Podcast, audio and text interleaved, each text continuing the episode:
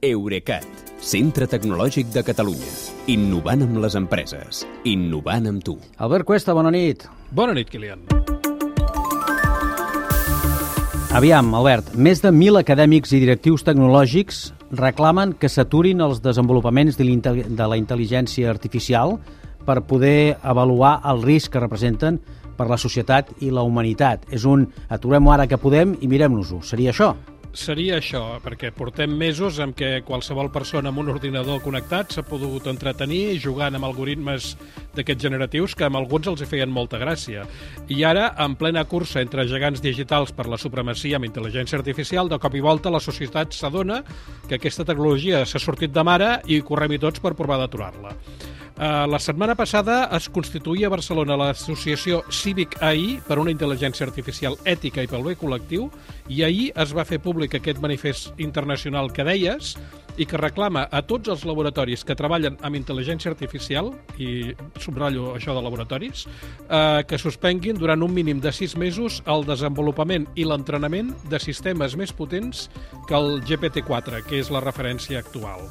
Aquest manifest eh, es titula Aturem els experiments gegantins, i d'aquí per això insistia en lo de laboratoris, d'intel·ligència artificial. I destaca que la intel·ligència artificial avançada eh, representa un canvi profund amb la història de la vida a la Terra, que cal planificar i gestionar amb atenció els recursos necessaris i denuncia que aquesta planificació i gestió no s'estan aplicant, malgrat la cursa descontrolada entre laboratoris, i en diuen descontrolada, per crear unes ments digitals que ni tan sols els seus creadors són capaços d'entendre, predir o controlar, i ho diuen així de cru. Per això demanen que els, els laboratoris d'intel·ligència artificial dediquin els sis pròxims mesos a acordar entre ells, pels seus algoritmes, uns protocols comuns de seguretat que, a més a més, els haurien de poder verificar a experts independents.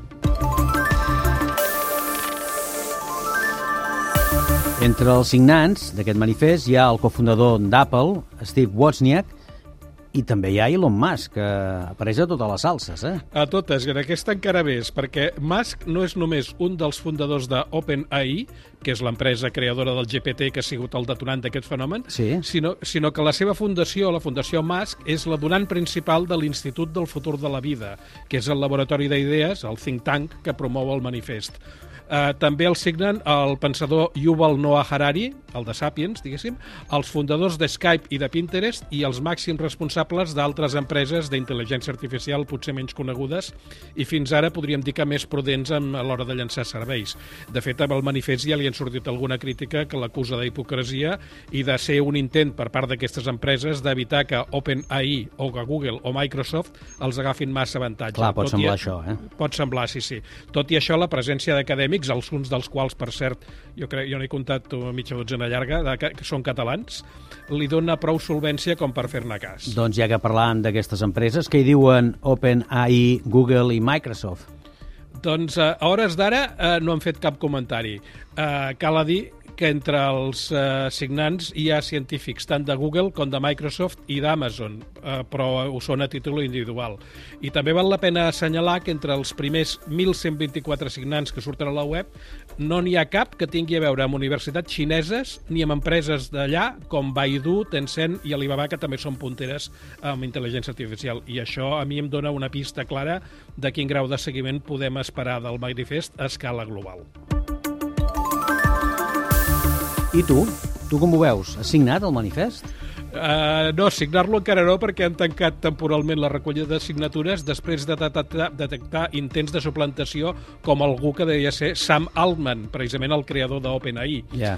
En canvi, sí que sóc un dels 200 promotors de Civic AI, aquella iniciativa que es va presentar la setmana passada aquí Sí. a Barcelona. Uh, del manifest internacional el que m'agrada sobretot és el títol, que reconeix això de, que, que el que hem vist fins ara són només experiments i que s'han de tractar, s'han de tractar com, com això, com el que són, malgrat que ja hi ha gent que els està confiant la seva feina i el seu negoci. Jo ja saps que en general sóc molt escèptic amb, amb adoptar qualsevol tecnologia sense preveure en abans les conseqüències socials i econòmiques. Sí. Uh, a veure, jo tinc un exemple d'això, uh, és molt personal, eh? però uh, abans d'ahir li vaig donar al GPT-4 quatre paràgrafs sencers d'un article meu al diari Ara sobre telèfons mòbils de fa unes setmanes. Sí. Li vaig demanar qui l'havia escrit i em va I? respondre que ho havia fet Javier Marías i l'havia publicat al diari El País. Ostres, no ben bé, Eh, oi? Pensa que l'article aquest, eh, eh, aviam, ja et dic, estava al, al diari Ara i a més a més que Javier Marías, quan jo vaig escriure l'article, estava mort perquè es va morir al setembre de l'any passat. Eh, per tant, jo, si aquesta és la fiabilitat que podem esperar dels algoritmes tant com estan funcionant ara, per mi ja els poden aturar tots avui mateix. Bé, doncs, home, l'exemple és bastant clar. Escolta'm, eh, Javier, perdona, eh, Albert Cuesta, que vagi molt bé. Bona nit. Bona nit, Kilian, fins demà.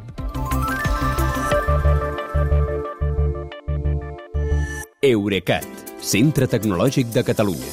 Innovant amb les empreses. Innovant amb tu.